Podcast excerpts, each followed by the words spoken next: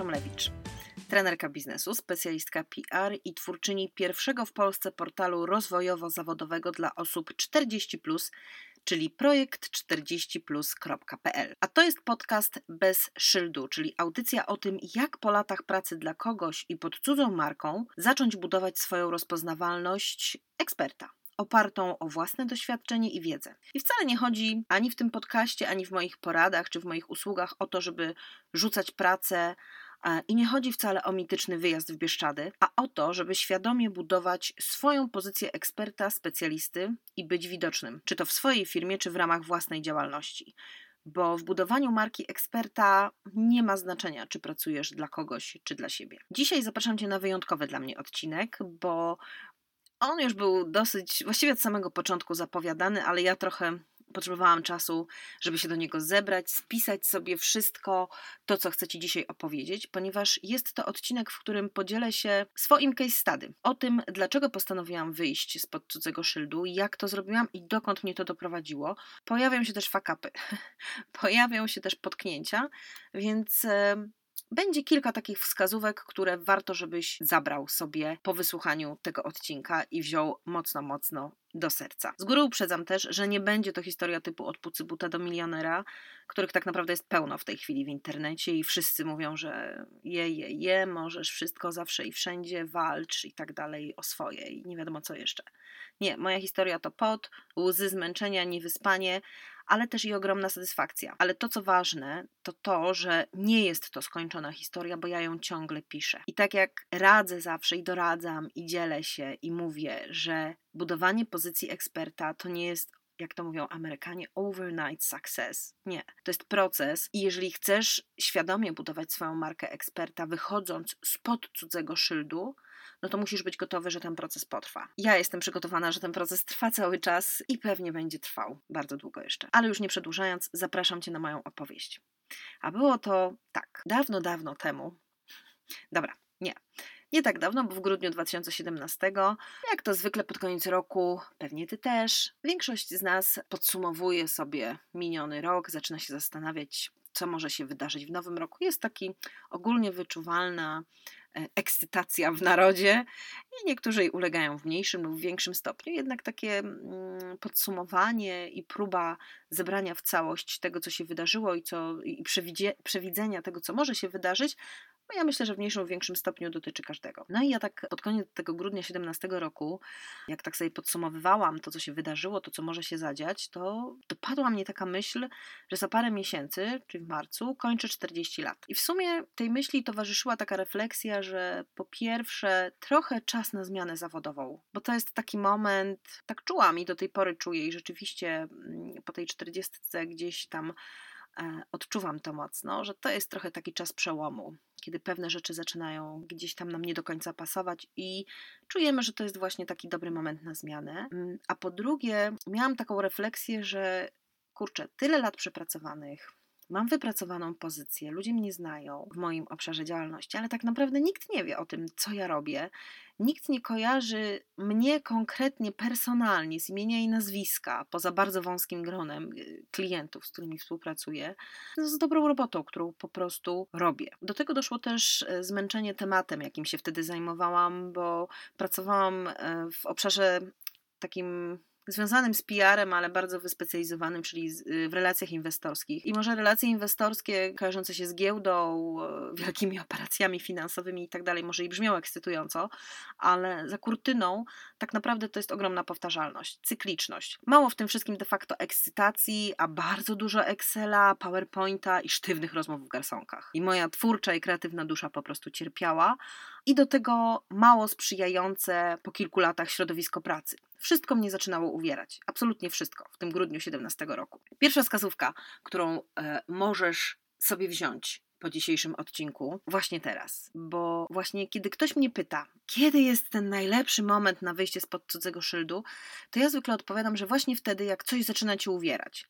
Tylko wiesz, to nie jest jakiś taki straszny ból, nie wiem, graniczący z depresją i że nie możesz podnieść się z łóżka na myśl o pracy na przykład. Nie, to jest raczej coś jak taki mały kamyczek w bucie, czyli możesz iść, możesz nawet zdobyć górę z tym kamyczkiem w bucie, ale ciągle go czujesz i on ciągle cię uwiera. No i dla mnie to był właśnie ten moment na koniec 17 roku i kiedy tak siedziałam i się zastanawiałam, co ja mogę właściwie robić, co, co ja umiem, czego nie umiem, olśniło mnie, że mogę po tych 20 latach pracy po prostu zacząć dzielić się wiedzą. Byłam wcześniej szkoleniowcem, ja jestem trenerką biznesu, po szkole trenerów biznesu takiej półtora rocznej, więc jakby całe fundamenty miałam zbudowane. Nie bardzo tak do końca wiedziałam, jak się za to zabrać, żeby gdzieś tam nie, nie, nie próbować od razu wyjść znowu na rynek szkoleniowy, bo wiedziałam, że dużo się zmieniło od tego czasu. No i zaczęłam przekopywać internet. Okazało się, że jest mnóstwo wiedzy, jest mnóstwo webinarów, spotkań, spotkań online, które są poświęcone właśnie zarabianiu na wiedzy. I ja wtedy w tym grudniu od 1 stycznia ruszyła moja marka. Powstała wtedy moja marka Siła PR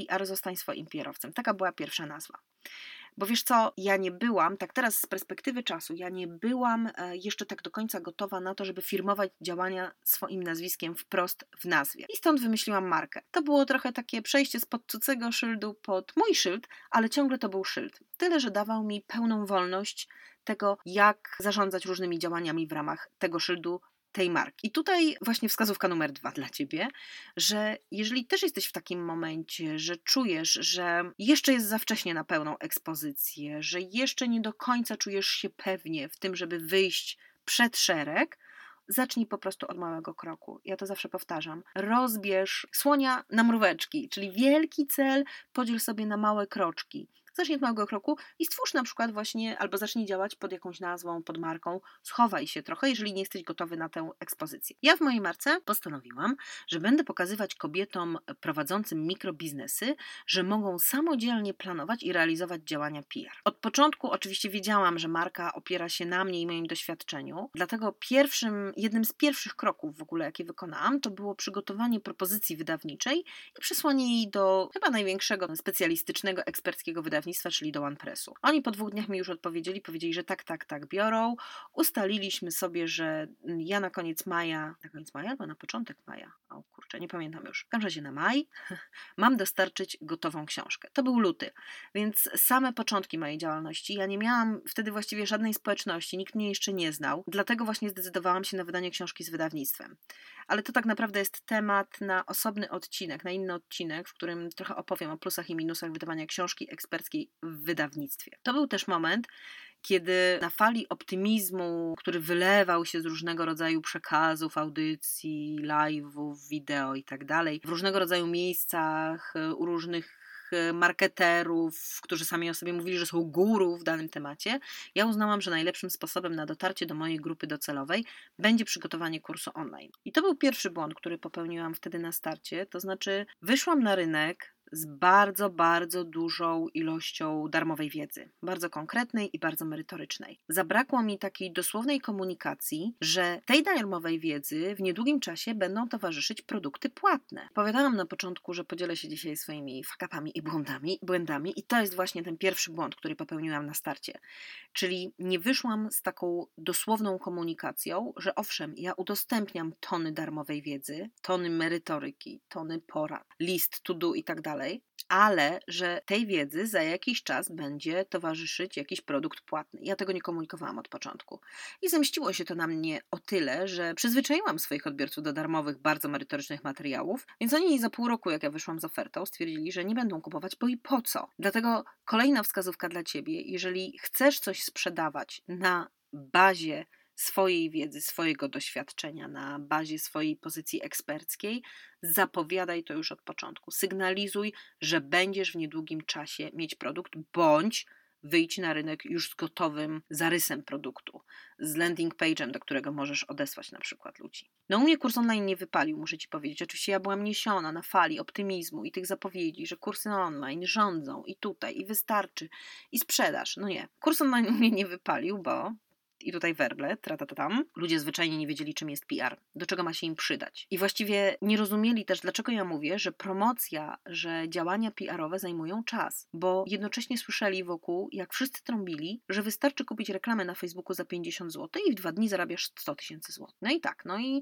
taki był wtedy czas w, e, w biznesie online, w online. A że ja nie jestem takim marketerem ściemniaczem, no to nie mogłam się przebić ze swoim przekazem. Zwłaszcza, że też jakby nie zależało mi na tym, żeby edukować od podstaw ludzi w ramach, nie wiem, jakichś studiów podyplomowych, tylko żeby krótko powiedzieć, tak, czym, w czym mogę im pomóc i oferować swoje usługi. Jednak pomimo tych potknięć, ja cały czas budowałam swoją markę online, y, markę y, i to ekspercką i to tak dosyć stabilnie mi szło. Coraz odważniej też wychodziłam spod kolejnego szyldu, czyli właśnie spod tej mojej marki i firmowałam powoli, krok po kroku, kolejne działania swoim nazwiskiem już. I to po kilku miesiącach zaczęło dawać efekty w takiej postaci, że na przykład pojawiały się różne pytania w różnych miejscach, kto może pomóc w promocji marki, w promocji firmy i wtedy pojawiały się w odpowiedzi Kinga Fromlewicz. I rzeczywiście to moje nazwisko e, zaczęło żyć trochę swoim życiem, w takim rozumieniu oczywiście, że nie było, nie wiem, używane w, w niewłaściwy sposób, ale że ludzie sami sobie podawali tę informację, że ja mogę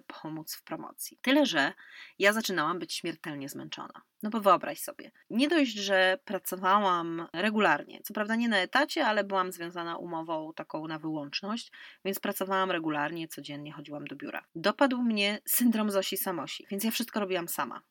Robiłam strony, landing page, mailingi, pisałam, wysyłałam, przygotowywałam wideo, przygotowywałam wpisy w social media wszystko robiłam sama. No i plus ta regularna praca, w której co prawda od początku wiedziano, że działam ze swoją marką, bo nigdy tego nie ukrywałam. Ale im bardziej ja byłam rozpoznawalna, a zdarzało się tak, że klienci dzwonili czy pisali do mnie na przykład z gratulacjami, bo zobaczyli, że wydałam książkę, albo ktoś zobaczył mój webinar na y, otwartej stronie na Facebooku. I im bardziej gdzieś e, ja rosłam, jako niezależna osoba, niezależna od brandu, z którym byłam związana, tym większy problem mieli z tym niektórzy moi koledzy w biurze. Do tego stopnia, że jeden z nich podczas dosyć burzliwej wymiany zdań na temat związany z działaniami dla klienta, na które ja nie do końca chciałam się zgodzić, wręcz zacytował moje bio ze strony, mojej prywatnej, używając go jako argumentu, dlaczego powinnam coś robić. I mnie w tym momencie włączyła się totalnie czerwona lampka, że kogoś po prostu zaczyna boleć moja niezależność od brandu i że będą się zaczynać kłopoty, że to jest ten moment, kiedy ja powinnam po pierwsze coraz śmielej wyjść ze swoją marką Kinga Fromlewicz i myśleć o tym,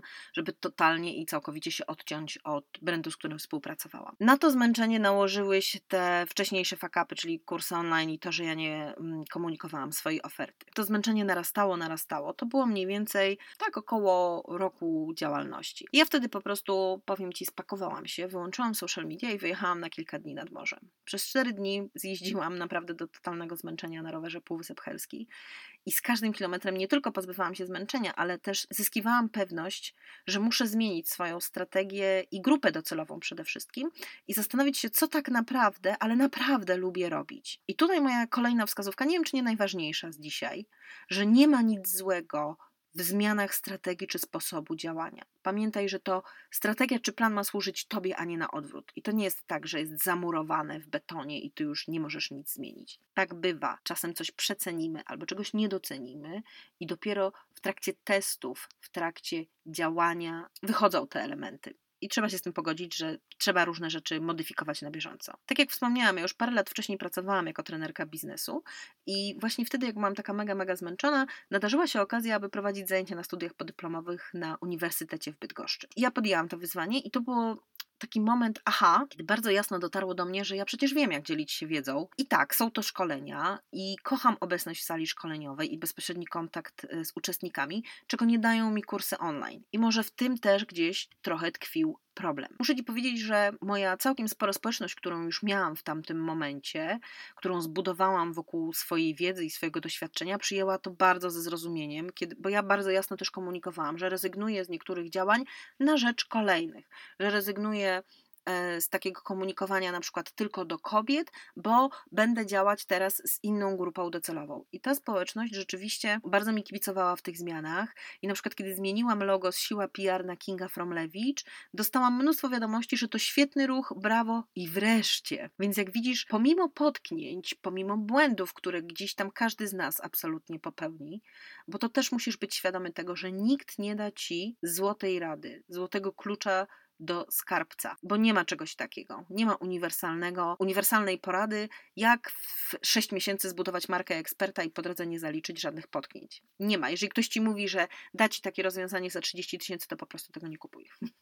Bo nic takiego nie istnieje. Kiedy wreszcie całkowicie przestałam się chować za logotypami czy nazwami, wiedziałam też, że chcę oferować swoje wsparcie specjalistom z doświadczeniem, którzy są długo na rynku, są świetni w tym, co robią, tylko robią to po prostu po cichu ku chwale szyldu, pod jakim pracują. I wiesz dlaczego? To też takie moje olśnienie, kolejny moment, aha, bo to jest temat, który znam najlepiej, bo zwyczajnie dotyczy mnie. To tak jak pisarze zwykle dostają taką najpopularniejszą chyba radę, którą można dostać, jak się jest początkującym pisarzem. Pisz o tym, co znasz. Tak samo jest z budowaniem swojego biznesu, usług czy produktów.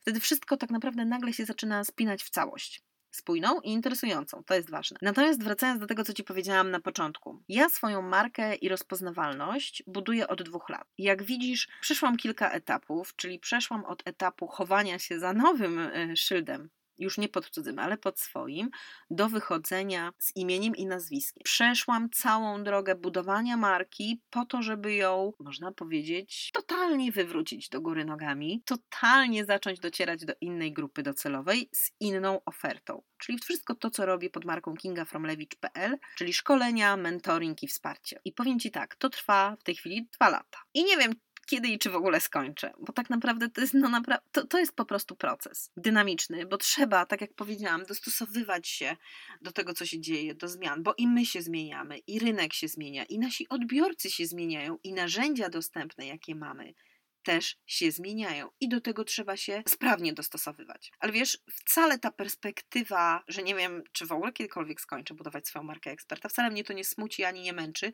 bo w końcu prac nie pracuję, wiesz, na, na cudzy szyld. I kiedy ludzie mnie polecają, czy pracują ze mną na szkoleniach, wiedzą, że ja nie mam za plecami żadnego innego brandu poza Kinga Fromlewicz. I to jest coś, co jest totalnie najlepszą nagrodą, gratyfikacją, jaką ten proces budowania pozycji eksperta niesie. Po co ci opowiadam o swojej drodze? No właśnie.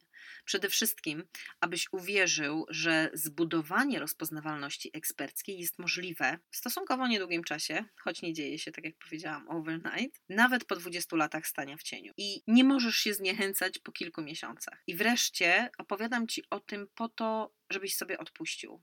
Żebyś Ty sobie odpuścił nie budowanie marki eksperckiej, tylko żebyś odpuścił sobie spinkę.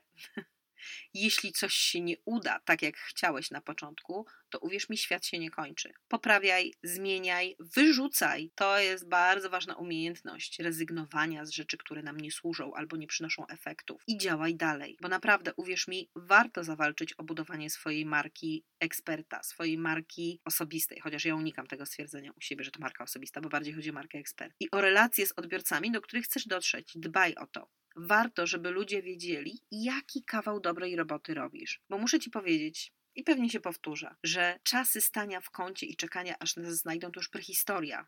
To nie, nie ten moment. Przecież każdy z nas ma coś ciekawego i wartościowego do przekazania, i naprawdę szkoda byłoby, aby to się wszystko zmarnowało. I też dla jasności jeszcze, na koniec.